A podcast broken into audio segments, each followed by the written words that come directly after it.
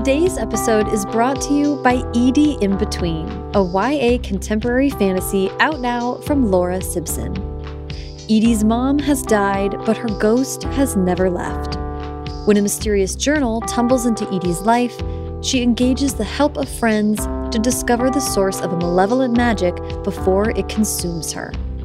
A modern day practical magic, Edie in Between delivers all the cozy magic that a budding young witch might just need right now.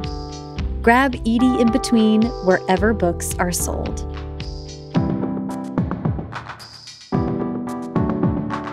Welcome to First Draft with me, Sarah Enni. This week I'm talking to Stephanie Perkins, New York Times bestselling author of Anna and the French Kiss, as well as many more contemporary YA novels, and the horror novel There's Someone Inside Your House, the Netflix film adaptation of which is out October 6th. Steph joins to talk about her newest YA horror, The Woods Are Always Watching. I love talking to Steph, and I love this episode. She has so many great things to say about challenging herself by switching genres. We talk a lot about schedule and finding sustainable writing practices, especially in light of the mental health journey Stephanie has been on, which led her to totally rethink her writing process.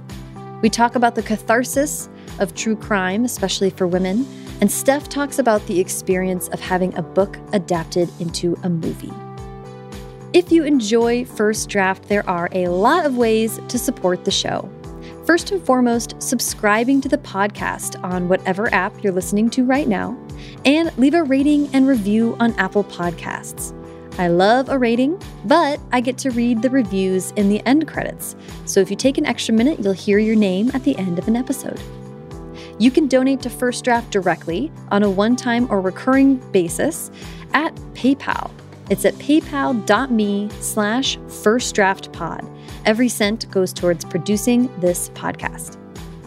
The show notes for this and every episode are packed with great links to everything the guests and I talk about. And that's also a great way to support the podcast because First Draft is an affiliate of bookshop.org. So whenever you buy a book through a link on firstdraftpod.com, part of your purchase goes to help support the show and independent bookstores at no additional cost to you. If you just want to browse while supporting First Draft, you can go to bookshop.org slash shop slash first draft pod. Anything you buy at that point will help the show.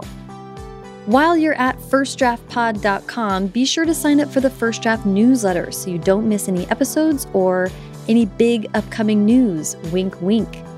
Also, check out the shop. I have lots of sweatshirts, tote bags, stickers, notebooks, dad hats, all kinds of great stuff.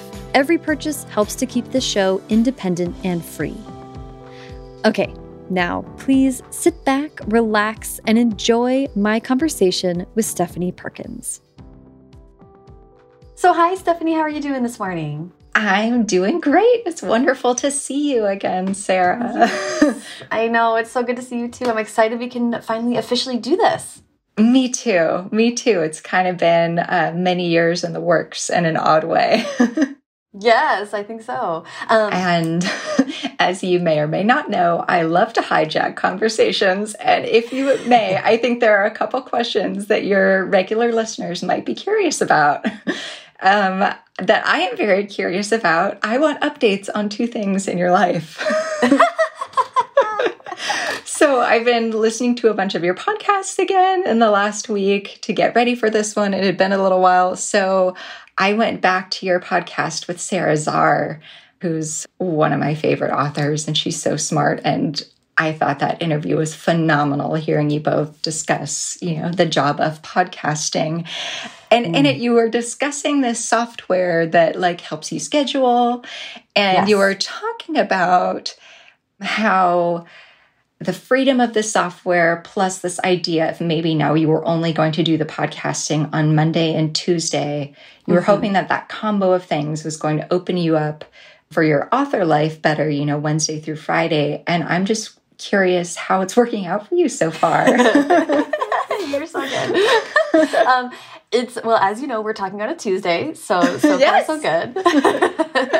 um, It actually has been really huge. It's been really huge to silo things so that, you know, it's kind of, we were just talking earlier before we started recording about a recent vacation I went on and I sent something to my agent and then had the vacation and relegating the podcast or or tightening it to a Monday and Tuesday has had the effect of making the rest of my week feel very free and like I can totally turn off and focus on whatever else I need to do on those other days and it's just kind of a relief. I don't think I had realized how much I was trying to hold all the time at the same time. Well, I love it because it's something that I am also extremely interested in, which is which is why I asked. I'm always I mean, time management is such a like gross businessy phrase, but that that really is what it is, and um, mm-hmm. I'm not great at it. And um, my sister actually is, which is very very funny. It's like what she does for a living is she helps keep people on track for projects. Yes. Wow, interesting. And and it's a skill that I do not have, and I'm constantly improving. and I think I'm so much better than I used to be. But I'm always like that's what I'm always curious about with creative people. Like, how are you managing your time? efficiently, but where it yeah. doesn't feel like I don't I, I, I like a structure that doesn't feel like a structure and I don't know how to describe that.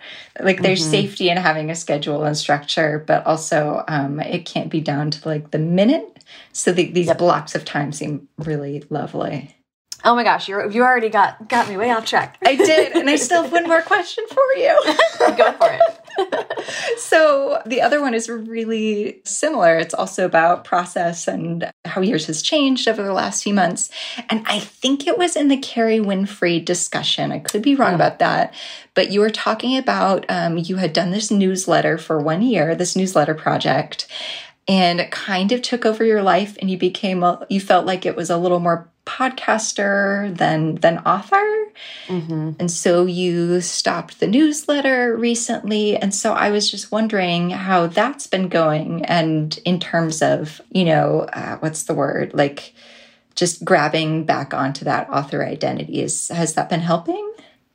Yeah, you're so good at this. we need to have like a Steph Perkin corner where, where we come back and Stephanie asks questions. Um, um, a lot of quarantine for me was spent being like, okay, what are we doing here? Like, what's going on?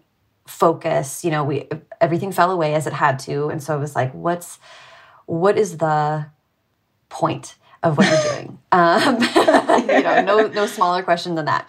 The newsletter was really interesting to me because I learned a lot about the publishing industry and it also was financially helpful to me. But then it was just weekly. A, it was a grind and it was absolutely preventing me from doing fiction. And so it's been this interesting thing where I felt like my career was at a fork where like I think I'm probably most known, I'm definitely most known now as a podcaster, but um, I've been a writer for many, many years, and that's what I want to be known for as well. So I was like, you know, if you go the way of this newsletter, it's like I look at Jane Friedman, who is this wonderful, really intelligent, basically publishing industry expert. And I was like, there's like that track where you sort of then you get speaking fees, you do this, you write books about writing, you, and like maybe you publish three books in your life. Or you figure it out now and you go this other way and it might be less lucrative or it might make less sense to the outside world but it's like following up on what you want to do. So the answer is it's been hugely helpful. Getting the newsletter out of my weekly schedule just opened up hours and hours more hours than i had even realized.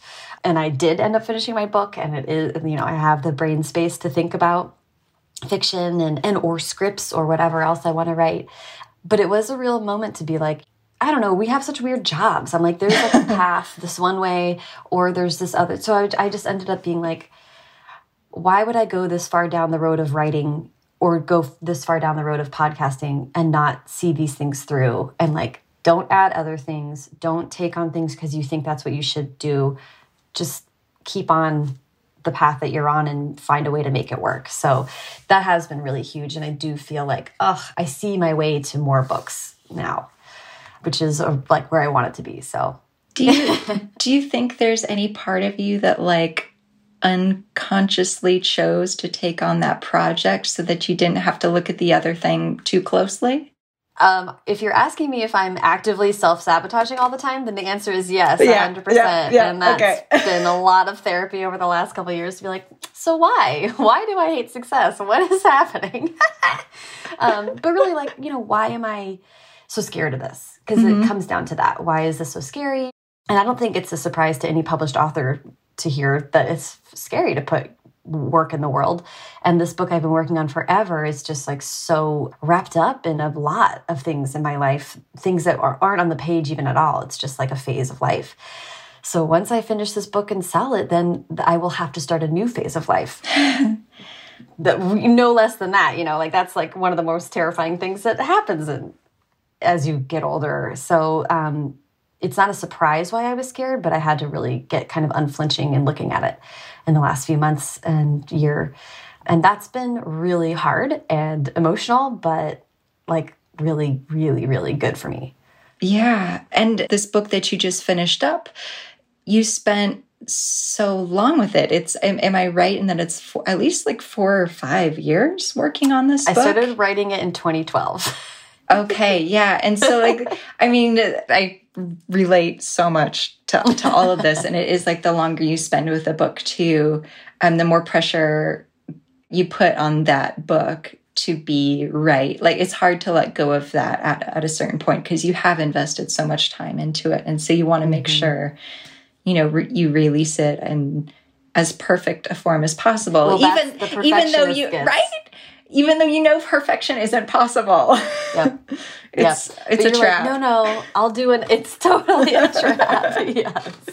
Okay, and the reason I'm not just 100% turning this back on you is because I have all these questions tie into questions that I have, especially about process, and we're going to get into that because I know yours has changed so much over your career. But, um, but uh, you're so funny, Stephanie. I love this. Um, we are going to start with uh, with where you were born and raised. I want to hear about you growing up as a kid. Where was it, and also what were you reading, and what was your relationship to writing when you were a young kid? So, I currently live in Asheville, North Carolina, and I was born only about an hour away from here in Greenville, South Carolina. But I don't really consider it where I'm from. I was only there for two years, so I don't remember it. It still did feel like some sort of homecoming when I chose Asheville as the place to settle down and build my adult life. But I was raised in Phoenix, Arizona, and um, I did not love it. I wasn't a very happy child. I was a deeply, deeply introverted, terrified of everything child. So, like a lot of introverted children, books absolutely played a big part of my life, and I was a great reader. I remember, you know, realizing that I had, you know, maybe my writing skills were a little sharper than some of my peers in the sixth grade. I had mm-hmm. a, my teacher really, really loved to write, and it was the first time we'd ever been assigned creative writing projects in school, and there was always a new one every week, and I excelled in those, and it was the first time I had kind of excelled at anything in school. I mm. was always a very good student, but I never cared much about school, so I didn't pay close attention, and I certainly wasn't good at sports, mm. and I didn't totally get along with my peers. Like I always had friends. I wasn't, you know, a, a lonely child. But I think maturity wise, I was always a couple years ahead of my peers, which was a little difficult. I was kind of like born ready to be an adult. um, but this teacher really singled out my work and and made me feel special, which was a really a kind thing for him to do.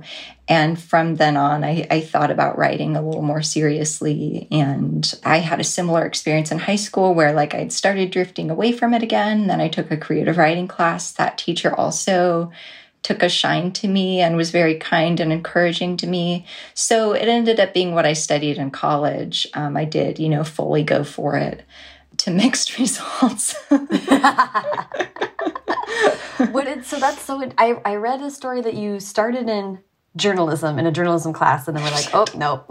I did. My very so I did go to college under the guise of like I'm going to be a journalist. I knew I wanted to write books, but in my mind it was like I didn't know anyone personally who was a novelist. This was mm-hmm. Really pre-internet um, for the most part. People weren't talking to authors. I had no idea how to do that. I'd always heard it was really hard. you know, my family comes from a more like practical, like, like my father's in business, my mom's a teacher. They were always really supportive, but creative arts seemed very unattainable. And so I always had this thought like, well, maybe someday if I'm lucky, you know, when I'm middle aged or elderly, by then I'll have written something and can get it published. But I need a career for now. So, how about journalism? Because that's writing. And I took one class and immediately you know one of the first things you learn in journalism i'm here talking to a journalist which is funny you know all this but it's like oh you have to ask people difficult questions like you mm-hmm. if you're interviewing someone for a, for a story it, it often means like something terrible has happened and like you have to go to the source and talk to people who are living through this thing and mm-hmm. i thought oh no no no no no no no, yeah. I cannot do that. I cannot ask people difficult and prying questions. And I think actually now, like, I'd be a little better at it than I was back then. I, I kind of like prying into people's lives now, but I still don't know if I could pry into someone's life at that moment. And I think that's a very different and difficult thing. Mm-hmm. You know, it's a skill to be able to do that. And I did not have that skill. And right away, I was like, nope, not for me. And I guess it worked out okay. At that time, no one knew journalism was about to like crash and burn. oh boy, I know. um, but I did go from like what seemed like a logical like profession, a job, to creative writing. And I was really scared to tell my parents. I remember being terrified to tell them. And I was very fortunate because when I did, I called them up and said, Mom and Dad, switching majors. And when I told them, they were supportive and they said, Yeah, we know. We know that's what you're supposed to do, right? Yeah. Which is the best possible response. And it was yeah. very, very different, I should point out, from how most of my classmates' parents reacted, because it is a scary thing for a lot of parents who don't have a that kind of creative arts background to have their kids say, like, mm-hmm. yeah, I want to write when I grow up. They want you to have a job. Mm-hmm. Um, mm-hmm. But mine were always really, really deeply supportive. And they did recognize that to me, books and stories were more important than anything. You know, as a teenager, I worked in bookstores. When I graduated from college, you know, you can't just like leave college and get a job as a as a novelist. you have to earn that in other out. ways. Yeah. So I was I was a head cashier at Michael's when I graduated. Amazing. I used to cry on my lunch break. It was terrible. They were really mean. I don't know. It was really? yeah, it was weird. The crafters I, themselves, the customers. uh, it's actually my coworkers. I feel bad saying oh. that. I, I think they saw right away, like, oh, she's not going to last, and so no one really reached out to me in a friendly way. And like, I'm a pretty friendly person, and I took that yeah, so geez. personally. So I would cry on my lunch break every day. We'd just moved to Asheville, and I would call a friend back in Atlanta where we had just moved from and eventually she's like, You just have to quit the job anyway. So I was not there for a long, I want maybe like a month or so. And then I just started looking for everything in the book world, and a library page job opened up. Um, which is like the lowest ranking job in the library, and it paid nothing. And I was thrilled and I like threw myself at this job. And I think I was probably the most enthusiastic interviewee they've ever had. I'm like, please let me shelve books all day long. this is my like dream. This is my destiny. Um. And they very kindly hired me, and I did that for a while. And then I did a lot of volunteer work in the children's department, and they quickly saw that, like, that was always my interest and my specialty. And they realized, oh, this page actually knows a lot about children's literature. And then the librarians there helped me get a job as a children's librarian. I did that for several years. That was when I just really the the instinct to be a writer was just really kicking in hard. I had what I considered the second best job in the world, being a librarian in this wonderful system. My coworkers were amazing. The libraries were beautiful. Like I, I really, really loved uh, that. And it really was the second best job in the world, but I was still really unhappy. And, and then this other thing happened in my life that I don't talk about publicly, but there was like this thing that was very out of my control in my mid 20s that was very, very sad. And the combination of those two things of like being at a great job and being unhappy there, and then having this thing wildly out of my control, those were the two things that merged and made me realize like, oh, I have to make a go of writing because I am the only person standing in my way. Like, it, this is within my control, writing a book. And, you know, if I have the second best job in the world and I'm not happy, there's a really big problem here. Mm-hmm, I can't do mm-hmm. this for the rest of my life.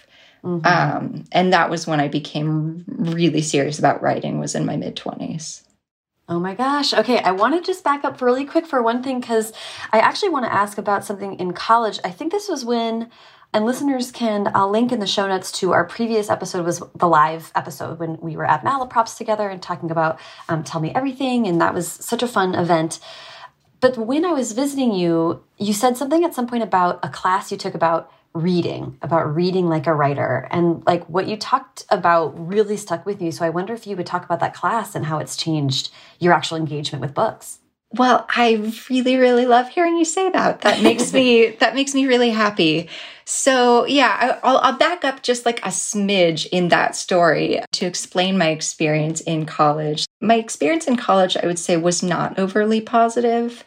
And to anyone who's thinking about going to school for creative writing, like, great. If that's your passion, do it. But you certainly don't have to. Like, I feel like it's a very, very optional thing. And there were skills that I learned that were great. In particular, learning how to give and accept criticism, I think, is an important skill. But in general, in my line of, you know, what I wanted to do, which was to write for children, that was really heavily discouraged and looked down upon. And I hear that's a pretty common story in colleges. There are some that take it more seriously, which is great. Mine was not that. You know, in the beginning, it was re- like really easy to shrug it off and say, like, oh, haha, like, you know, it, it's that idea. I always compare it to, you know, people who who love Moby Dick, forgetting that like they read Charlotte's Web first and like how important right. that book is too, mm. and how deeply meaningful like children's books imprint on us. Um, and, and, that whole discourse was was pretty much gone. There was one children's class offered. It was only offered every other year. I don't mm. even think it was every other semester. I think it was every other year, and it was uh, you know all of children's literature from you know picture books to young adult combined for just one semester. So it was a very lackluster thing where they kind of made me feel bad for doing the thing I wanted to do. And I laughed it off for a long time. And eventually it sunk in though, because I was in that yeah. atmosphere for so many years. And by the end of it, I did kind of have these feelings of, of guilt around wanting to do it. And it got me off track for a few years. And I tried writing stuff that wasn't right for me. But the one class that helped me more than anything is the one that you referenced. And it was taught by the one p- professor who I thought was a lot more compassionate and understanding and could see the different strengths in the writers in her class and encouraged those things. I had a couple classes with her, and this was the one that she taught that um, I don't remember what it was called, but it was essentially reading like a writer. And all we did was read books that were things that she'd wanted to read, which I also thought was like kind of a badass move. She's like, here's here's my reading list. Um, and Let's go for it. Yeah, and we went through them. It was the simplest idea. We each kept a notebook. And as we read a book, anytime we had some kind of a reaction to something we'd read, we'd open up our notebook and write down what it was. And what mm-hmm. it was mm-hmm. doing was uh, teaching us how to pay attention to the words on a page and how just the mechanics of it, how novels are created, and how also they manipulate our emotions. And it just really made me more more aware of it than any of the like short story writing classes we ever had.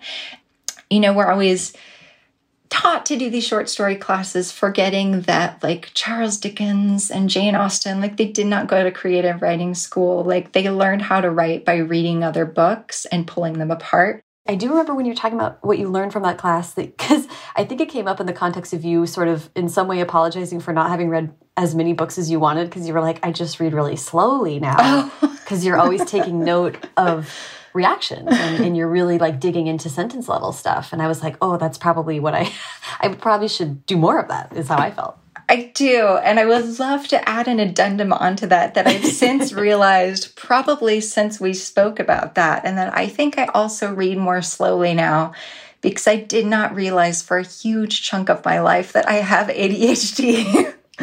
Oh, and so yeah. I have a theory about myself. So as a kid in elementary school, I don't know if your school had this, but we had these charts on the wall. And like every time you read a book, the teacher would put a sticker on there. The thing that I was always like really proud of was that again, as I'm failing in like sports and life, general life stuff, that chart on the wall, everybody else would like have a couple stickers. And every year mine would go all the way across the chart and they would have to add an additional paper beside it that would have more stickers just for me because I was reading so much and I was so proud of that.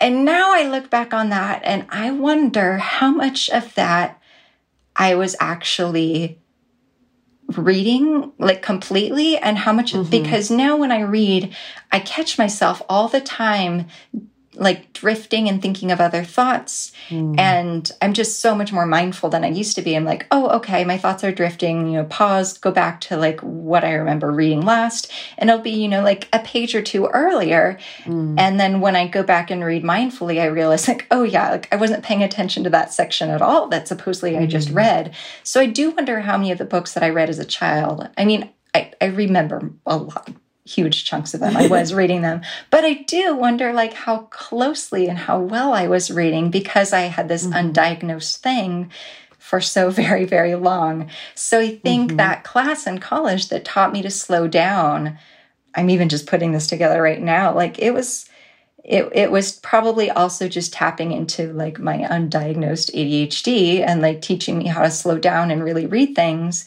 which was a mm-hmm. skill that, yeah, I probably was lacking in up until that point. That's so interesting. I don't. I, I. You don't have to answer this if you don't want to, but I'm interested in how you did discover this diagnosis. Yes, women in particular um, are often not diagnosed, and it's because, and this is very, very, very generalized, but if you think back to school, like you can kind of pick out the boys who had ADHD because they're the ones running around the classroom, right? Mm-hmm. and mm-hmm. my mom actually, that was kind of her specialty as a teacher. She taught children with learning disabilities, and a lot of those people were her students, and she was able to recognize it. And so I really, really recognized it like through her. And I was like, well, I'm not that. Mm. So it never even occurred to me that it, that that could possibly be happening until mm. I was an adult and you know about a decade ago my life like blew up pretty catastrophically and we can go into that too because it was many many angles and one of the things that i discovered in that whole process of unraveling was i, I did have this undiagnosed thing it took me a while to kind of believe it and it took me many mm. many more years to really trust in it and take my medication regularly and there have been periods of my life where i wasn't as productive and now i wish i could go back and like give me a hug and be like, it's okay, you can take it. Like the medicine is made for people like you. But yeah, it was this mm. thing where my therapist told me that it was common that women aren't diagnosed because we aren't like most of us aren't running around the classroom like causing a disturbance it manifests more frequently in terms of daydreaming and he's like as a mm. kid like did you daydream a lot in class and i'm like well yeah like i was like telling myself stories all day long because class was so boring he's like yeah like especially with you know women who are who are bright and can get mm. along in school um, it's really hard to diagnose and yeah like i wasn't like I always feel like I wasn't a great student, but I was. Like I made ma- mm. mostly A's and a few B's. Like I was a good student, but my heart was never in it. Like it was the most minimal effort possible and I was always thinking about other things. And then when I went to college, which was split between San Francisco and a school in Atlanta, I did not choose challenging schools either. They were both picked purely on location. so I wasn't challenged there. And in my, you know, my, the first years of my career as a librarian, I wasn't challenged there. And it wasn't until I was a full time writer working from home on my own schedule that all of a sudden my life really, really just imploded and I lost the ability to get anything done. And it was very, very connected. And it was because it was the first time I'd been challenged in life. And so that that was when the diagnosis was able to to finally um, mm. come out. But it was in the midst of uh, yeah, I've I've from a pretty young age, like like I remember beginning in third grade, I was clinically depressed, and I mm. dealt with that on and off as a child, and very seriously as a teenager. And then it mostly went away, and then it came back roaring in my mid twenties and wasn't really gone until my mid 30s. I'm turning 40 this year, so it was a pretty like big chunk of my life so the ADHD diagnosis came in the midst of that last chunk, uh, along with like, I'll just give you all my mental health. I, I yeah, also yeah. have I also have obsessive compulsive disorder, which is something that I was highly aware of. Like that that isn't people who have it know they have it, um, but I, it's also one that I'm very good at hiding. So a lot of people in my life weren't aware that I had it, when I went to my therapist, my most recent therapist, when when I was at my absolute lowest, it was very much a crisis situation where I was fortunate that I have a huge support system. Um, my husband is wonderful. My my family is wonderful. My friends um, and my agent and my editor were all incredibly supportive. And without that, you know, I think the worst about my life. I really mm. think the worst would have happened. But because I had the support system and I got into therapy and we started talking about it, and, you know, my my therapist was like, "Okay, well, we have to we have to heal you in terms of the things that are going to kill you first. And so the first level was depression and dealing with that. And then when it was a little more manageable, it's like, well, we have to look at the OCD. And I was kind of surprised when he said that actually. So I'm like, I'm doing just fine. I don't right, need any right. help there. And he really pointed out, like, well, no, like I do have a more manageable form, but it was, you know, blocking me in certain ways. And so we did have to deal with that.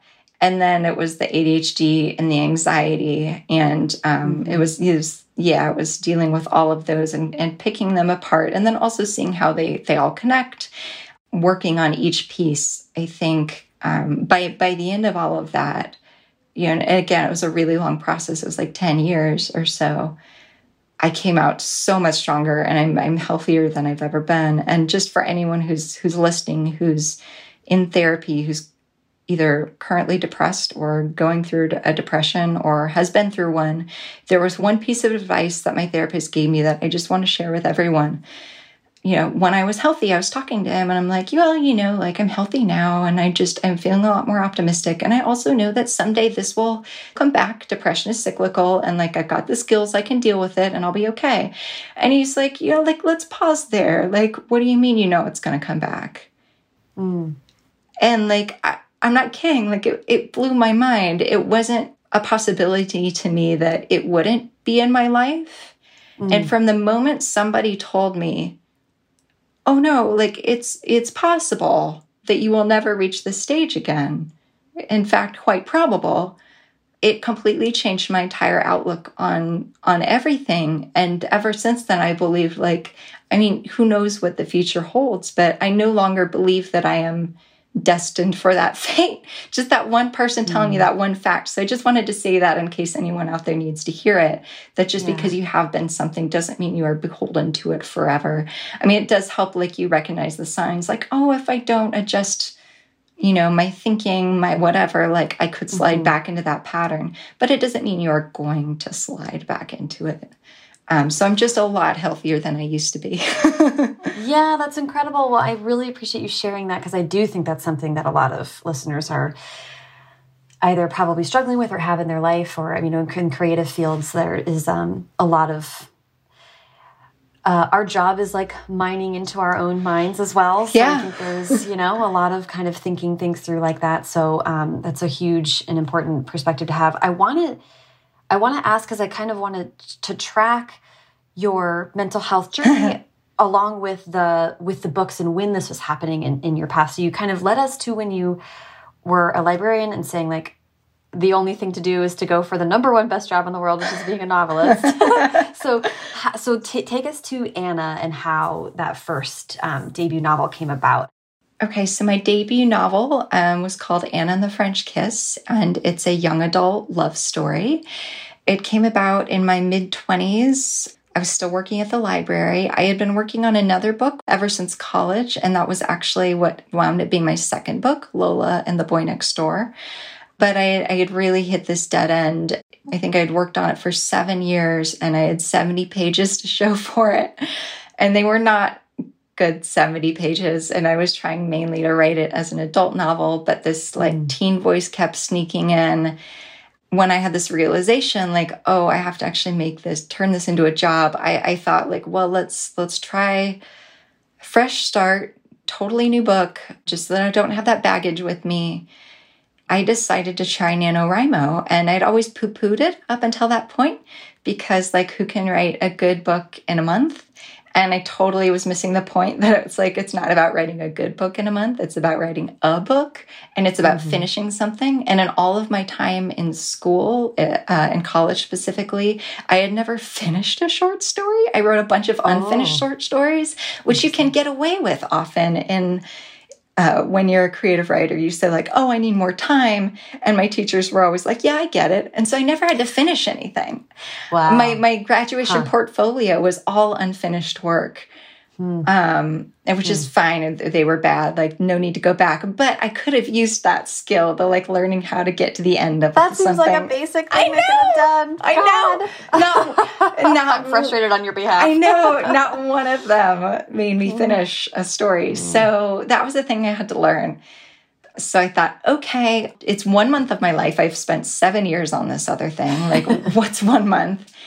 And um, I made this de- decision the week before it started. So I had like one week to kind of figure out what I wanted to do. And in the most like woo woo, mystical, new age sounding thing that always makes me cringe a little having to tell it, I had a dream. and, the, and the story came to me in this dream. And I woke up and I was still very taken with this city and this boy so I decided like, okay, well, I'll write about that. And the the city was Paris, and I had no, you know, special associations with it. I, I wasn't the kind of person who romanticized it. Yeah, I, I very much romanticized England. I was an Anglophile, so it was kind of surprising that I had had this French dream.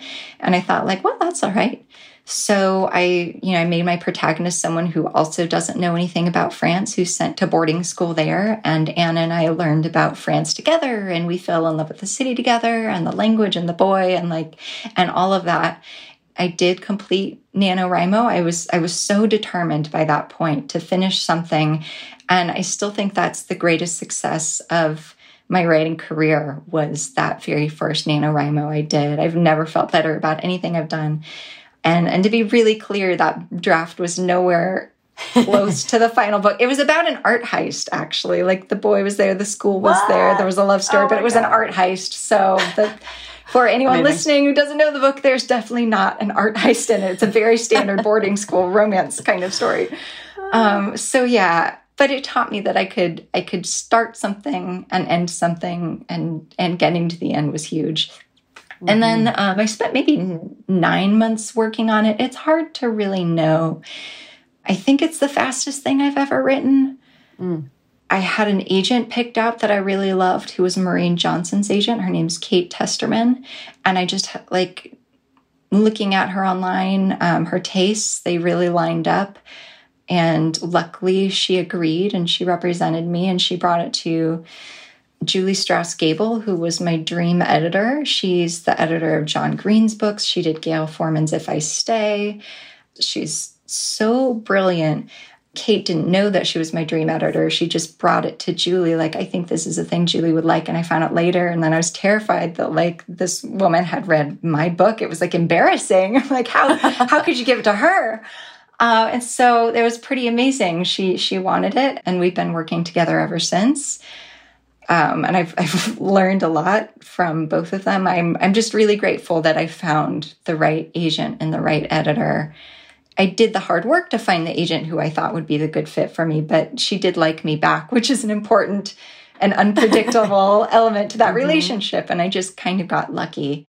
I'm interested in what it was like at the time to have a book come out and be a kind of a big splash, especially for your debut. That can be like a lot. And then what's it like to still have Anna be such a present part of your career? The, the short answer is it's wonderful, of course, and I'm I'm really lucky, and I will never stop feeling that like gratitude and the, the good fortune because there are so many books that are as deserving of this, and not all books get eyes on them. So I'm I'm grateful that somehow my book made it through and got readers, and those readers told other readers. It was very much word of mouth. When when Anna and French Kiss was published, we were still in the midst of the paranormal romance boom, and then dystopian was hot on its heels. So contemporary wasn't what it became a couple years later. And that was mm-hmm. thanks to people like John Green and Rainbow Rowell and Gayle Forman, who really elevated it. And, you know, it's been this really solid, dominating kind of force ever since but at the time you know it was it was a modest contract and because i had had this background in bookstores and libraries, I just didn't expect much from it. I, I actually mm-hmm. I listened to John Green's episode before recording today, and in it he was talking about how he had worked for Booklist, uh, the mm-hmm. the trade review, and how that helped him have some perspective because his his first book also was unexpectedly huge and never stopped gaining momentum or readers um, much bigger than mine, to be clear. But it was it was a parallel sort of thing where he, you know, because he'd been a reviewer for so long, he just knew how many titles actually exist out there and how how so few of those actually get read and passed along and have mm-hmm. a lasting career. And it was the same thing. I'd been in the book industry for a very long time by that point and i knew that that just doesn't happen so when it happened to me it was it blindsided me completely and I was hyper aware that it was a very good thing, but internally, I didn't know how to process that, and I took it very poorly.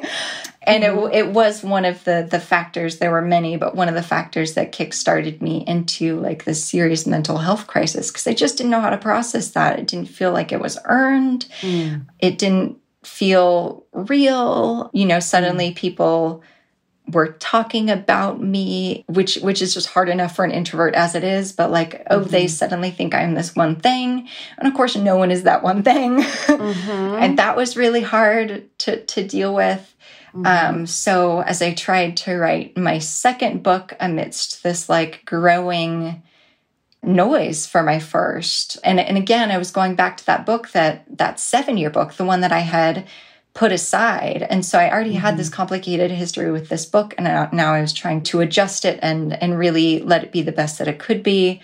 Um, so my my life fell apart during my second book, Lola and the Boy Next Door. Um, even though it was published very close to Anna, um, it was within one year, and that's the only time I've ever done that. like I think everyone thought my third book, Isla and the Happily Ever After, was the one that destroyed me. And that is very untrue. That was just the one that, like, I had to recover from the other book before I could write that one. mm-hmm, and mm-hmm. it really wasn't poor Lola's fault either. It was just me not being able to to handle being suddenly a known person with people reading her stuff. And and in the beginning, all the good stuff, the good comments were just as as terrifying and damaging as the bad ones. Um, because mm. because of course you know you you get the negative stuff too which was it's always hard for anyone to deal with for the first time and to learn how to you know not look at and accept criticism and and mm-hmm. figuring that out is such an important key in surviving in this industry and recognizing that everyone's allowed to not like your work and that's okay and it does it's not necessarily a reflection of you a person again i'm going to go back to my therapist who was genuinely a brilliant man. And he he really helped me understand that um, because I'm writing with my real name, I'm not using a pen name. It was harder for me to see the difference between Stephanie Perkins, the person, and Stephanie Perkins, the author. And he really mm-hmm. helped me see that, like, there's Stephanie Perkins, like, half of me is a business. And what happens in that business is not related to what's happening in my personal life. They are separate things. And when people say something negative about Stephanie Perkins or her work, or they email me directly or mm. whatever it is, mm-hmm. they're basically like writing to the corporation because there's no no place else to like lodge that complaint. Mm-hmm. And and honestly that helped me a lot in terms of being able to accept it and move on from it because yeah it's it's huge in in our jobs and not everyone's going to love everything and not everyone should. The closer you get mm-hmm. to everyone loving your stuff the closer you get to like uh, being a thomas Kinkade painting. I forgot who it was who said that but that blew my mind. I, I am cribbing that from someone. I love that. So i want to ask about post anna. You're writing lola and isla and as you say you sort of had this moment that you really were required to address your mental health and make that a primary thing that you that you were dealing with. I want to talk about how your journey of mental health coincided with your evolution of your actual writing process because I've been a fan of Stephanie Perkins for a long time and I mm. remember reading your blog many years ago when you said that you were nocturnal, that you just had fully committed to this nocturnal lifestyle. And then I think a few years later, you were like, guys, turns out that was not great. I was like, yeah, that's that never seemed like it was probably the best way. So it, I would just love to hear about how that kind of developed.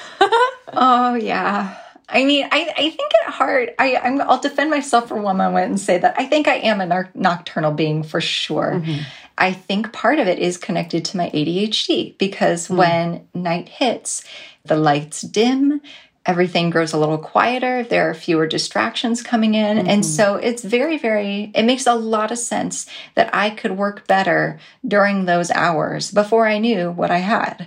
Mm. Um, it was essentially like lessening all of those those stressors and distractions before I knew they needed lessening. Mm-hmm. So the problem with a nocturnal life, which I do enjoy, uh, is that my mm-hmm. husband is not nocturnal. The world is not nocturnal. Right. Um, it meant that I wasn't spending like those quality hours with him. Like we weren't physically lying beside each other in bed at night. Like you know, we are on opposite sleeping shifts.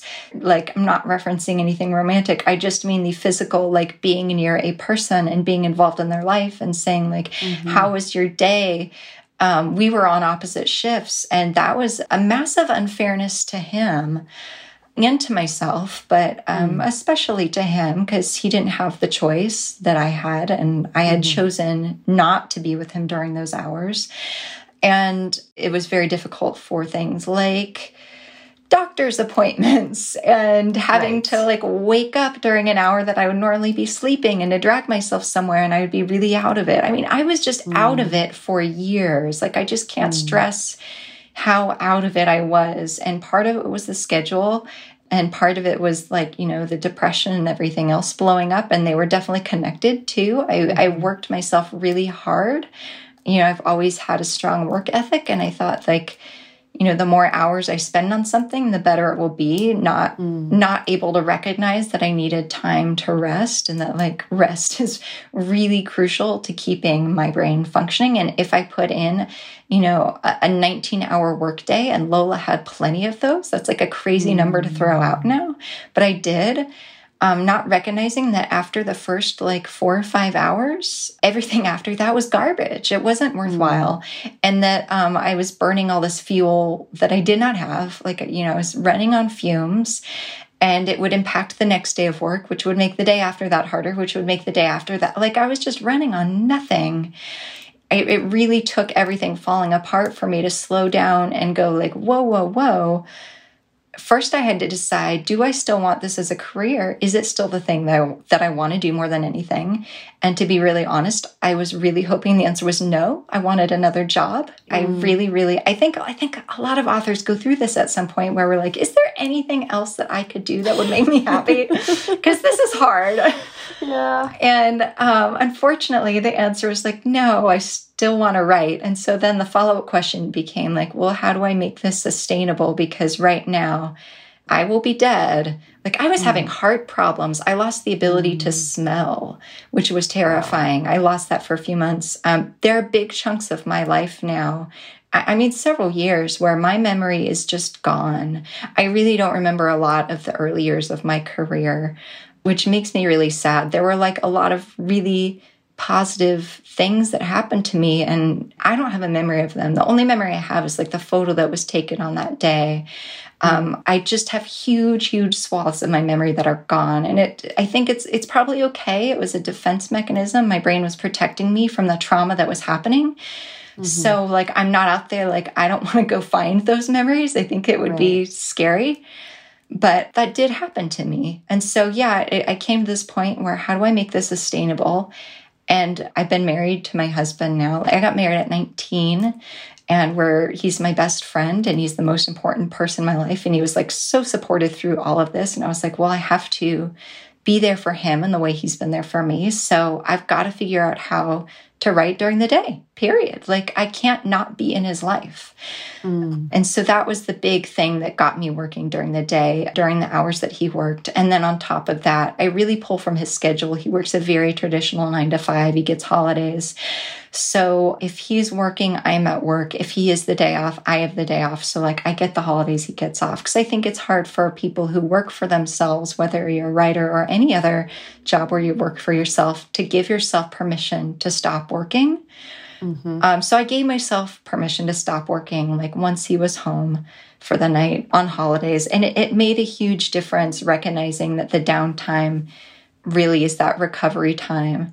I started keeping track of all of my work habits on like a legal notepad beside my desk and I would just write down all of the facts that I could find like what day of the week it was, what time I started, what time I stopped, and you know all the start and stop times during the day because there mm. are always you know often quite a few of them mm-hmm. how many words I was writing or revising, depending on what I was doing. And I just kept this data for years. I still keep it. And so now I have like seven or eight years of data on myself. And so I've learned through that when my best working hours are when um, I need to give myself a break. It also it's great for those times. Like I'm I'm I'm slower than average. I take about like four years to write a book. So when I'm in the middle of that and it feels so far away, it gives me actual data to look at to say, like, oh, you were in the same spot with the last book. You'll be fine. Mm-hmm. Just keep going. Mm-hmm. And that's really comforting to me. And so I was able to retool a completely different schedule. And I was surprised by what I learned about when I can work and when I can't. And again, the other huge factor was like, oh, I discovered I have ADHD. So, you know, I, I bought the noise canceling headphones phone, of course, is the number one distraction these days. So when I work, I flip it upside down and I put it behind my laptop and I only check it when I get up to go to the bathroom, which I'm a lady, it happens all the time. And that's enough. Like I don't need to be mm-hmm. checked. I don't need to see every time I have a message. Mm-hmm. And so it's it's just a matter of being really conscious and I mindful is the word I like to use. I did take a mindfulness class, which um, was also pretty life changing. And it was that final piece. Like my therapist sent it to me. He's like, I think it's going to help you with your anxiety. And maybe it helped a little with that, but it helped with everything else. And I, I wish that like mindfulness classes were required for every human on the planet. Mm. But it's it, it's just all about um, being really um, conscious of of what's happening in any moment and not being judgmental of that moment. Just taking a note um, and so I used to be really, really hard on myself, um, like like mean, cruel to myself. Mm. And I've really worked hard on that in the last few years. And, and I'm not cruel to myself in that same way. And it's just helped tremendously. Yeah. And, and of course, like my brain's going in all different directions. So I don't even know what we were talking about or no, where I'm it. going. But that was perfect because because I, I knew that you had had this journey of um, addressing addressing your mental health and then i also knew that you were like one of the most data driven uh, like uh, you've you've sort of crafted your work schedule from such a wealth of knowledge of self knowledge that you kind of that took time to establish and to figure out which i'm still on i'm still figuring out how to gather like what data and the correct data. So i love talking about this because i'm like interested in uh, again we're talking about optimization but it's really not in like that cold silicon valley type of way you know? It's a lot more recognizing self boundaries and recognizing, like you say, rest and the times that you need to take off are just as important as the times that you need to be on. And then, you know, how can you incorporate that into your daily life and make it something that's sustainable? Yeah, I'm I'm really really interested because the more data you have on yourself, it's it's more like I find the pockets when like oh my brain is most active here, so if I schedule my work day to that, I will be more more productive during then. And then here are the hours where like I kind of suck at work and I need to schedule mm-hmm. like that's when I'm doing the dishes or doing the laundry or like I discovered that midweek, like mid Wednesday, I tend to be really anxious and like just not wanting to look at my screen, like I will find myself physically turning away from my laptop screen and looking at mm-hmm. everything around me in my office. Um, and so now I schedule Wednesday afternoons for every doctor appointment, anytime that like I want to meet with a friend during the week. Normally I try to schedule mm-hmm. that for weekends, but occasionally they slip in during my work week. And so I always try to schedule that for Wednesday afternoon because that's just a dead time for me anyway. That's so interesting. See, I love all this stuff. um, and yeah, and I, I, you know, part of my my sort of last year was realizing like so much of of fear and not getting done what I wanted to get done and feeling unfulfilled was like all the times that I spent running away from and not looking directly at a thing. And you're just like, nope, I don't know. I write my book whenever. I'm not sure. And um, but you like looking right at something is like it's never as bad as you think. It's always like manageable in chunks, but you've really got to do the work of being like, no, like what are the numbers? What are the facts? Like really what do I want to do and what is it going to take to get there? And that's a whole process. Yeah. And I want to add to anyone listening um, and if you haven't read this book as well, um, I'm holding it up for you to see, so I will say it out loud for the audience. Ooh, Around the yeah. writer's block, using brain science to solve writer's resistance, including writer's block, procrastination, paralysis, perfectionism, postponing, distractions, self sabotage, excessive criticism, overscheduling, and endlessly delaying your writing. That's the full subtitle. It's by Rosanne Bane, B A N E. And this is the best like intermediate to advanced level writing book I've ever read. And it, I've been seeing it around for a while, and I finally just got around to the, to it this summer. And it's another one of those like, ooh, life changing kind of things. It's it's so smart. I love that it's using brain science to dig into these things and explaining why some things work and don't. So a lot of it's stuff that I knew, but I didn't really know why it worked. Mm-hmm. And mm-hmm. so having that knowledge to me just re- reinforces all of the stuff that I've learned and helps me stick to it. I want to talk about the t- development of your work in a different way mm-hmm. and, and the sort of addressing of, of your mental health in a different way because you wrote the the sort of this three book companion books and then you did make a shift to horror with there's someone inside your house and the new in the woods are always watching which i swear we're going to get to but we don't have to. but no. but i want to talk about because to me i was like here's my my theory and you let me know if this works. I was like just noticing that your mental health improved correlating to your writing darker things. And i just i was like True whether that's cathartic for you or whether there's something that you're processing through getting into more horror or slasher or, or true crime, because I know you're a big fan of true crime podcasts and things like that and, and, and documentaries. I just am interested in what you have been thinking about that correlation or or or what. Yeah, so that's interesting. Um, I will say, and it wasn't a thing that I could recognize at the time, but I can now. There are enough years between now and then. One of the things that I struggled with when I first became published was being suddenly known as this like very, very sweet author um, this kind of like fluffy author. And like that is absolutely me. But I've, I'm also someone who has liked horror and true crime and all of that. And like you come to my house and like it's like colorful and rainbow. And then you look a little closer and there's like a human pelvis sitting in the cabinet. And like that's who I am. Like I really like both sides. And I was really, really only being seen as this one thing. And I was putting, being put on all the panels that were like, cute boy panel which like is fine. Like I wrote about those and I'm always happy to talk about that, but I there was more to me and it was it was hard being seen as only the one thing. And I read mm. really widely. There's really no genre that I'm not interested in. There's certainly mm-hmm. ones that I enjoy more than others, but I really think there's good stuff to be had everywhere. I've always read re- really widely. I've got really wide ideas. Um, mm-hmm. Um, there are so many more genres um, and ages that I want to write for. And so it became clear to me like, oh, if I don't establish this quickly, I might get stuck here.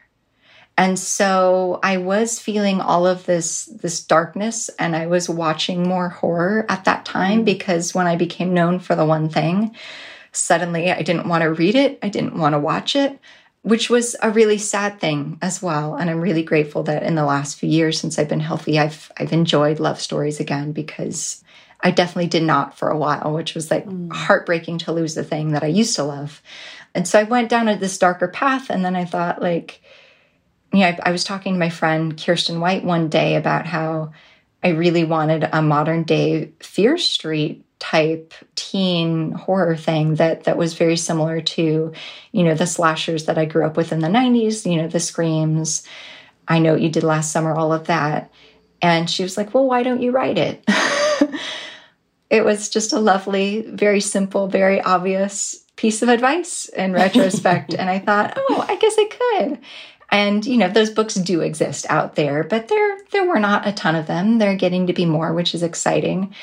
But so yeah I, I told my editor that's what i wanted to do next. I know it was not what she necessarily wanted from me next but to her credit she said okay um, let's go. Let's try it and so yeah that book actually my first one there's someone inside your house that contract happened in 2011 or 2012 it was a very long time ago and then it wasn't published until 2017 Mm-hmm. Um, so it was a long time from I, you know, conception to you know having to do all the research to actually writing it to publication.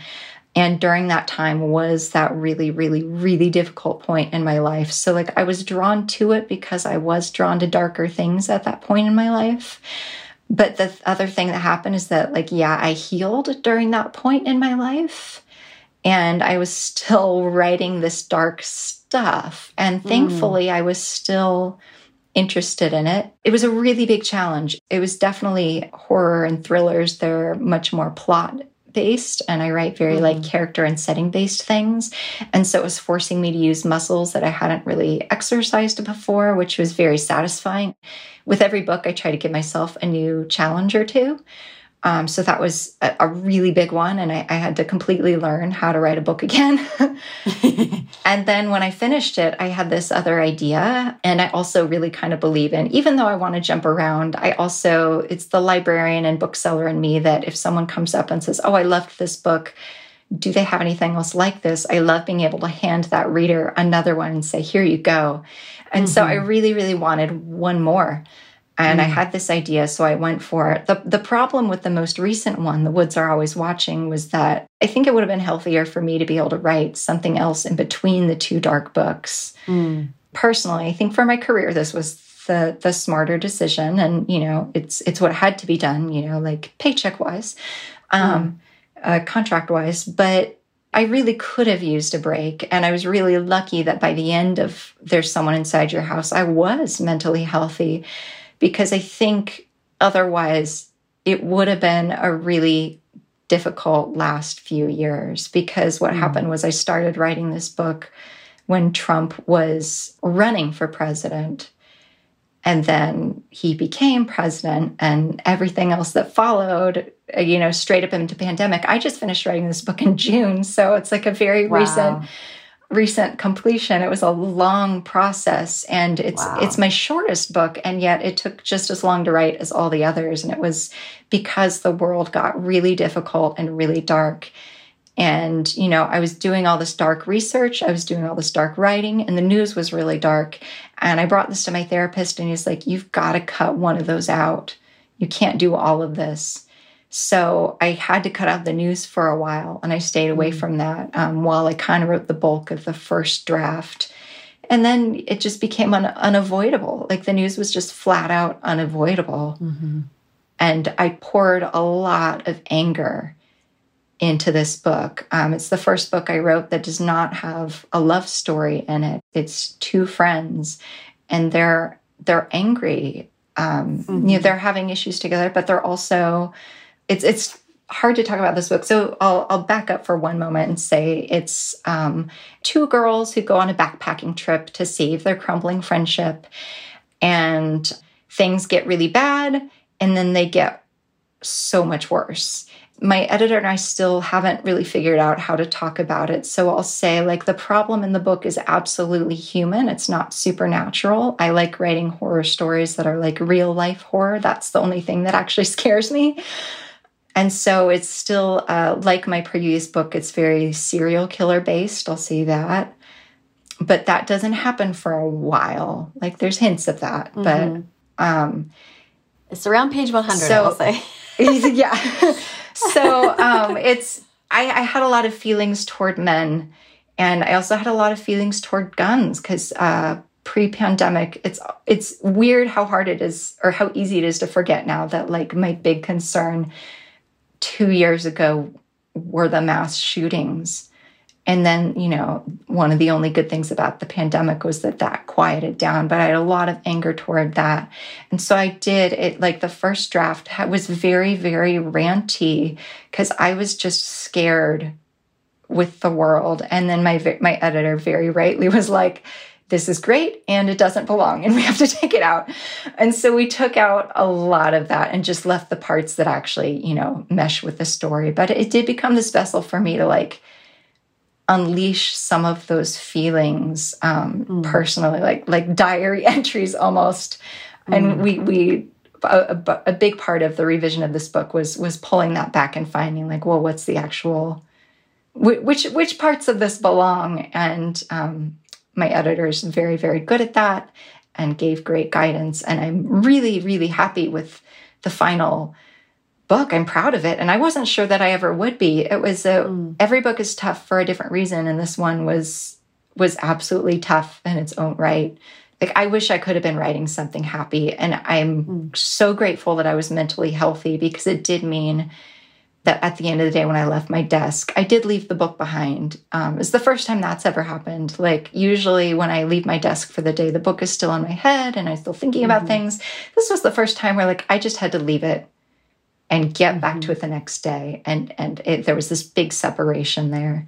And I was so glad that by the end of it, I felt connected to it and I was thinking about it again and like like it all came together. But for the bulk of writing this book, I did not feel that way about it, which was a little uh, made me a little nervous. mm-hmm. But yeah, it, it, worked out well in the end. But whew, I, yeah. now I'm writing something much sweeter and it's great to great to be out of it.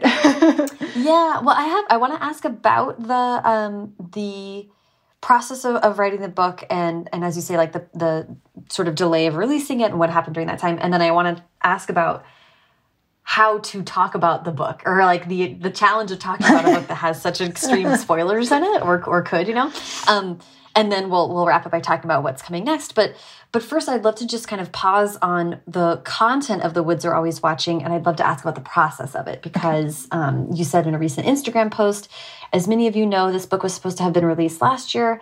Pandemic related complications pushed us back but it also meant that my editor and I were able to spend the additional year making it stronger. So I just, I mean, this is something I'm really interested in from a business standpoint. Yeah. Just what was going on there? What were you able to do? What was that process like? Yeah, well, so the book was almost ready to go last year, and then the pandemic happened. And um, a, thing that I think it's, uh, I'm always like, where do I start this story? I think I need to back up. My editor and I both work on a slightly different schedule than most editors and authors, and we both run late. Mm. And my editor happens to be like pretty powerful in the world of publishing and she can do things and make things happen that other editors can't and she can push releases it's how again i bring it up again but on john green's podcast again we share an editor and he mentioned that his book was his most recent book the anthropocene reviewed came out really really really quickly like this blink and it, and it was because of his editor and yeah we share an mm-hmm. editor so mine was about ready to come out the pandemic exploded. And then we both just had to figure out how to live our lives. And it was a really big adjustment for her because she wasn't going into the office anymore and had to learn how to talk to her team. And so things got slowed down over there. And, you know, I was just absorbing all the, the frightening news and stuff over here, which she was doing as well. And, mm. and basically all the stuff that we would have been rushing to do last minute we weren't doing because we were caught up in these other things. And so all of a sudden we were faced with this point where it was like, okay, we can put it out and rush these last steps, or we can just press pause here, reset, and be able to have more time with it all next year. Mm-hmm. And I think to her everlasting credit. She would have supported me either way.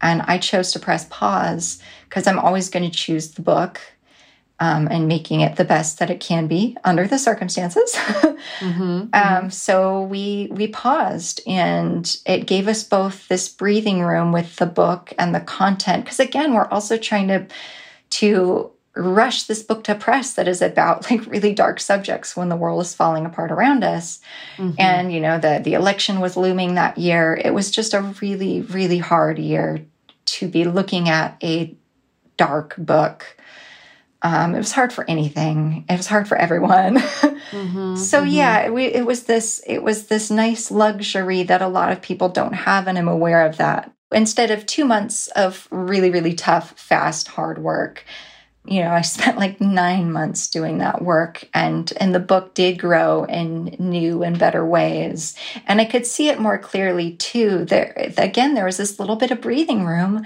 after the election and mm. we knew that Trump was going to leave. And, or at least mm-hmm. we all had our fingers crossed that it would really happen. Because again, I did not finish this book until early June. So yeah. I did have this like the first time I had breathing room and I could see it a little more clearly. And I could see where some of my writing had been a little like stressed out before.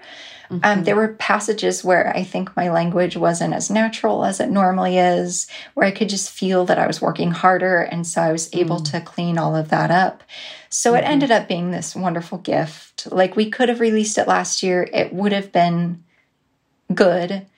And now I'm like really, really proud of that extra year of work and grateful that we had it. Um, it was just I'm sorry about the circumstances it happened. well, worth the wait always. Um, so I want, and, and thank you for speaking to that because I know that's like behind the scenes kind of uh, uh, uh, ticky tack stuff, but I love, I love hearing about it. I do um, too. Yeah.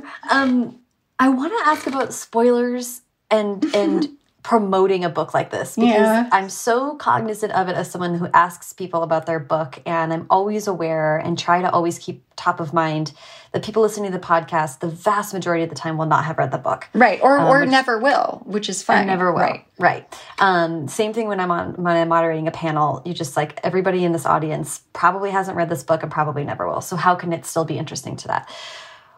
But then I read this book and I was like, God, there's so many questions I want to ask that are like about the last 30 pages, you know, that are just like so, so spoilery and uh, but are so interesting. So then it just made me think about the challenge for you as someone who is promoting it. And especially with a genre like horror, you're very thoughtful about talking about horror because you're cognizant that not every, it's not going to be right for every reader. Yeah.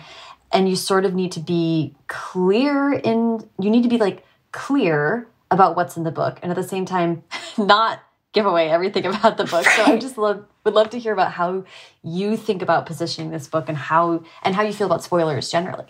I love this question. I, I'm fine with spoilers and I would be fine to spoil my own book, but my husband hates spoilers. He loves surprises. He doesn't want to know anything. Like if we see a movie, he does not want to have seen the trailer.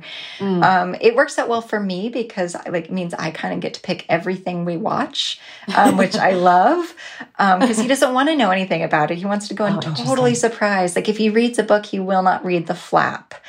Um, wow. He, so that's dedication, I, right? So I'm aware that those people exist in the world too, and then also I like I'm taking the cue from my own publisher, which chose not to mention the thing in mm. my book when they wrote the copy that goes on the the jacket flap. Uh, it's not in there, I, and I think that's because they were also not sure how much I was comfortable with or how much we mm-hmm. should say. And it's not like I'm hiding some crazy twist here because I'm not. It, it is a thing that like it becomes fully frontal in the book halfway through.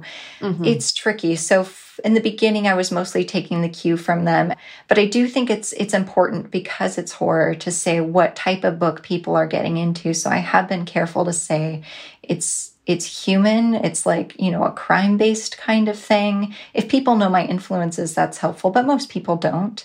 Mm. Um, so I say, you know, like it's kind of like the last thing. If you liked that, you'll probably like this, but it's, um, the problem in the book is a very human one. It's also bloody and like there's gore in this book. There was gore in my last book, so I don't think it's that surprising for anyone who did read my last book. I think it was surprising for people reading my book the first time. Like the last one book was was hard cuz you know, I got like the worst reviews of my career so far with that one because a lot of people were really upset by it. And that's fine. I knew that was coming. I knew a lot of people would not like that book. And then after a while, it started swinging back around and you know the, the, right readers found it and they really mm-hmm. liked it but there was this big chunk of time with that book where the only people reading it were people who it wasn't written for mm-hmm. and they were very mm-hmm. unhappy with it so mm-hmm. I'm, I'm hoping the right readers find this book a little bit sooner um, so yeah it's i mean if i'm talking one-on-one with someone i'm absolutely willing to say what the thing is if they want to hear what it is you know when i'm mm-hmm. talking with friends or other writers or um, and otherwise, I'm just kind of like giving off that general, like, this is the type of thing to expect. Mm-hmm. And um, so the expectations are there because I think too, like you could see, look at the cover and it's this atmospheric woodsy trees, and you could think like, mm-hmm. ooh, that could be a supernatural thing, or like you know, there are right. lots of like ghost stories or like Blair Witch, um, right. you know, like it could go in that direction. And so I just like to keep saying no. It's it's a thing that could really happen. Mm-hmm. Um, everything is very very reality based, and it's it's really ugly. like the things in the book that happen are are ugly. Um, they're you know I write about what scares me. mm-hmm. Like ask me again in a few years because like I'm curious how my answer will change. I'm right. I'm still in the midst of figuring this out, and and I don't really know what to do about it yet. It's been mm-hmm. it's it's interesting. Well, and then the other thing though is that like I to be frank, I don't think there's going to be a lot of promotion for this one because we are in the middle of this strange situation. So it's like it's not mm-hmm. like I'm going out there and talking to people about it on the road and mm-hmm. I'm not doing a ton of interviews, doing hardly any at all actually. So I maybe maybe the question won't get answered for me either. It's just such an an off year and i don't know what to expect with this book. Like with everything i do i just keep my expectations low. And whatever happens like that's fine as long as i can keep writing books. I don't know to go back yeah. to maybe one of your earliest questions about um, having a successful book at the beginning of my career, I will say I wouldn't trade that for anything. I think some authors who have success early on get really bogged down with the pressure of like, well, the next book has to be better, the next one has to be better. And thankfully, I've never f- put that pressure on myself, and I don't feel that way. And I'm grateful to have the success, the because you know to be to be very very clear anna is way more successful than all of my other books combined. Like they're just not even close. But that book gave me this amazing gift of like making me a name that publishers are willing to keep investing in and you know i can get you know like really nice interviews like with you. And I'm, I'm just really always aware that i'm getting these opportunities that i wouldn't have had otherwise because of my first book. So if people want mm. to talk about it i'm happy to talk about it forever. I'm really really grateful for the gift that that book gave me. It gave me a career which is just no small thing yeah, I love that. That's a great a great way to think about it, and a great way to not not torture yourself with thinking that you have to one up it every time. Oh my gosh, who can?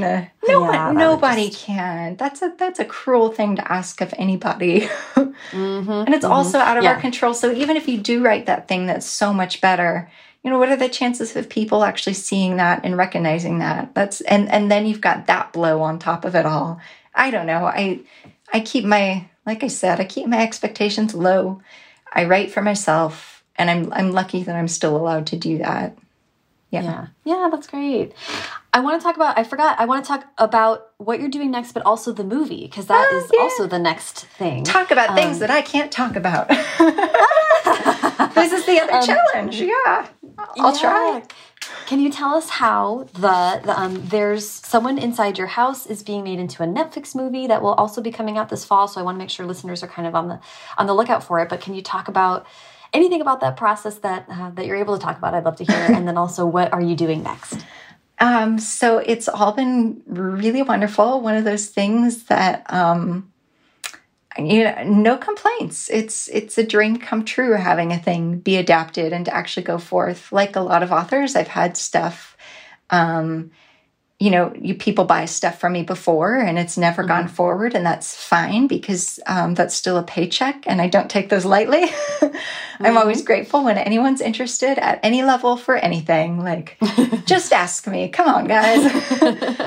um, so we were really fortunate in that uh, my film agent had been talking with uh, Dan Cohen, who was one of the producers of Stranger Things, and he was just saying like man, I would really love to do like a 90s style slasher movie.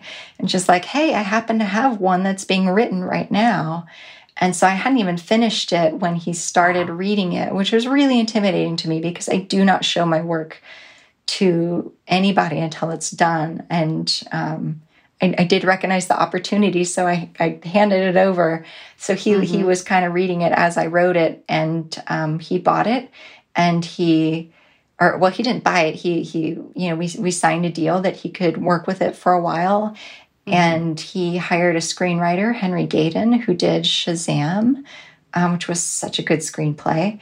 And as henry was interested in this too and they wrote the screenplay and then they took that to the different production companies all, all the different film studios.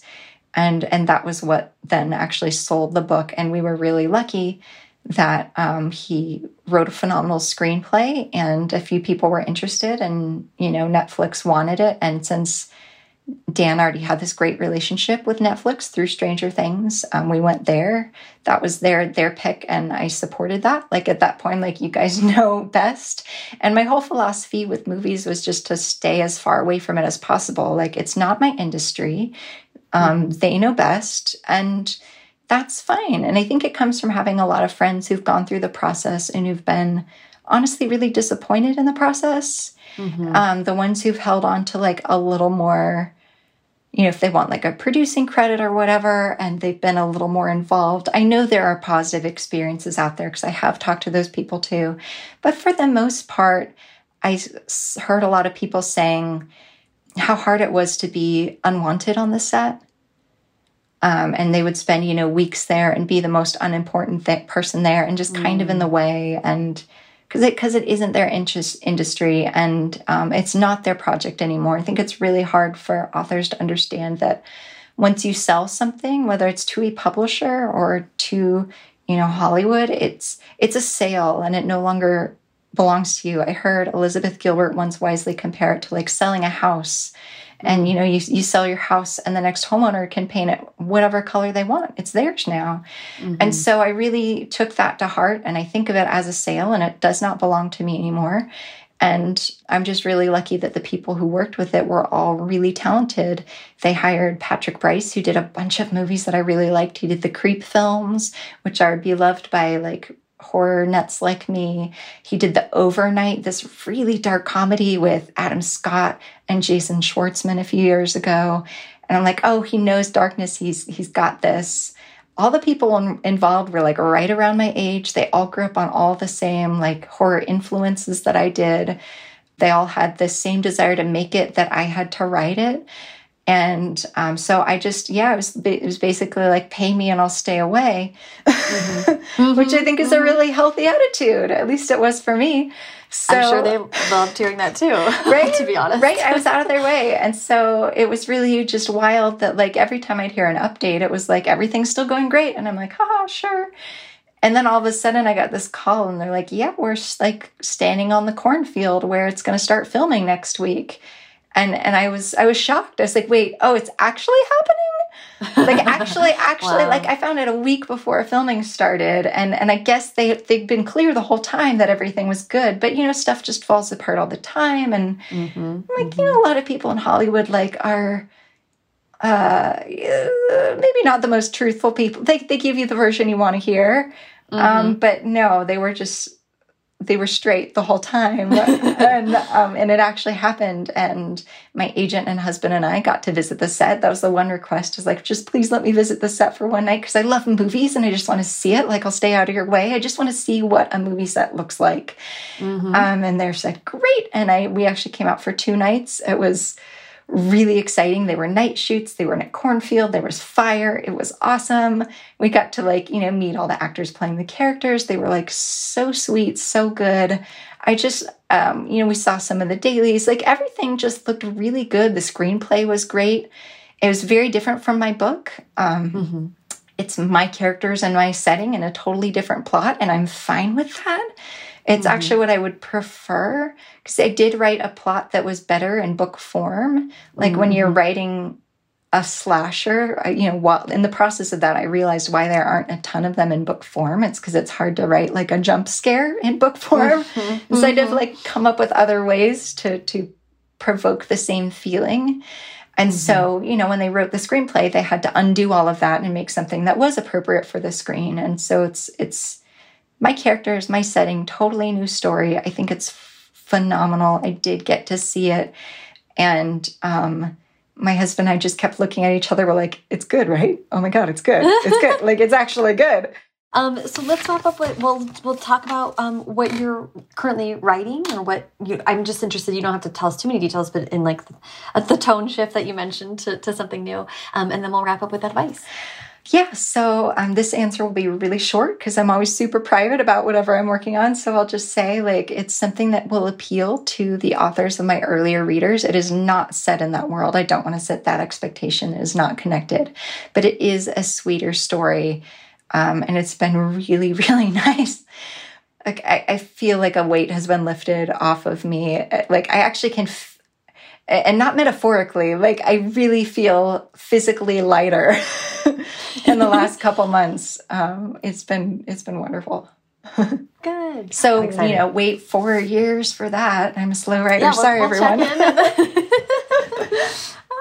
um, well, I would love to. You've given so much great advice um, throughout this entire show. Do you have any other just kind of general advice for people, especially people who are maybe um, a little more progressed in their career than than necessarily debut writers. Here's one thing that I love throwing out because it does throw people off and I think it's a really good piece of advice that most people laugh about but I've since come to learn from the book we were discussing earlier around the writer's block that there's an actual real reason for this working.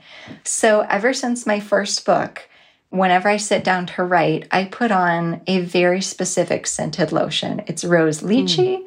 I've been wearing the same scent since Anna. Like for a brief window with uh, my second book, I did try to write with a different scent. It didn't work. I went back to the other one it's one more thing that uh, with an especially distracted brain like mine that just kind of locks you into work mode a little bit faster. And my initial theory with it was like you know sense memory like it's it's such a strong powerful thing when we smell something and it, it, it takes us back to a place. And i thought maybe i can manipulate that to my advantage with work. And i smell a thing and it gets me working faster. And it turns out my very weird piece of advice is 100% true. There is brain science. It's in this book. She talks about a specific scent and helping that get you the place faster. And it's just like so satisfying that um, this very weird thing was right on the money. And it's not like, it's not a perfect fix by any means, but for people who have trouble sitting down, getting started, being distracted, um, yeah, when I when I put this scent on, it does mean oh, it's time to work. It's just one mm. more thing. Yeah, you know, I put on the noise canceling canceling headphones. I hide my phone. I put on the smell. I get to work. It's it's part mm. of my my routine, and I do think it helps. yeah, I love that, and I love that you got reinforced yes. by this book. it's science. It's real. I love it. Um, this has been so fun. You've been so generous with your time. I so appreciate it. Um, thank you so much, Steph. I've loved this so much. I'm so glad we finally got to do this. I, I think to explain, like we we had talked about doing this several years ago, and I was still in a really weird mental spot. Like I was healthy, but had only just begun started being healthy, and mm-hmm. I was mm-hmm. still so afraid of like sliding back or saying the wrong thing. Mm-hmm. And it's so nice to to be in a healthier spot so we can have this talk and and I just yeah. think the world of you. Your podcast is fabulous and Thank thanks you. for having me. Yeah, it's been a joy. Thank you so much to Stephanie. Follow her on Twitter at naturallysteph and on Instagram at naturallystephperkins and follow me on both at Sarah Enni and the show at First Draft Pod. As I mentioned at the top of the show, leaving a rating and review on Apple Podcasts goes a long way toward getting First Draft in front of new listeners. And ratings are amazing, but reviews are the best. I am going to read a recent review right now. This was left by Trisha H. Hart. And actually, maybe that's Trisha Hart. Uh, so, Trisha Hart says, inspiring. As an aspiring to be published author of YA, I love this podcast. I always walk away with great insights and new authors to read. Sarah asks great questions and brings a lovely energy to the art of writing. Side note, I'm a huge fan of the movie You've Got Mail and loved its appearance in this discussion. Trisha H. Hart or and or Trisha Hart, thank you so much for leaving that comment. I really appreciate you taking the time to do that. And it feels so serendipitous for you to have mentioned You've Got Mail in the, your review for this week because Stephanie Perkins and I were talking offline about how much she loves You've Got Mail. And Stephanie recommended this wonderful podcast to me called Blank Check, all about movies. Go check them out if you're a movie fan. I just listened to their episode where they talked about You've Got Mail, and it was a wonderful one. And it made me go back and re watch the movie. And that movie is sad, guys. It's so sad but in like the most, I don't know, like heart piercing way. Like it's just brilliant. I'm also like really on this kick of watching classic movies. It might be a stretch to think of You Got Mail as classic, but basically, not recent stuff, old stuff. So if you guys have classic movie recommendations for me, please leave those in a podcast review as well. And I will definitely um, read it on the air, but also um, take it to heart and watch your movies. So go do that. First Draft is produced by me, Sarah Enni. Today's episode was produced and sound designed by Callie Wright. The theme music is by Dan Bailey, and the logo was designed by Colin Keith. Thanks to social media director Jennifer Nkosi and transcriptionist at large Julie Anderson.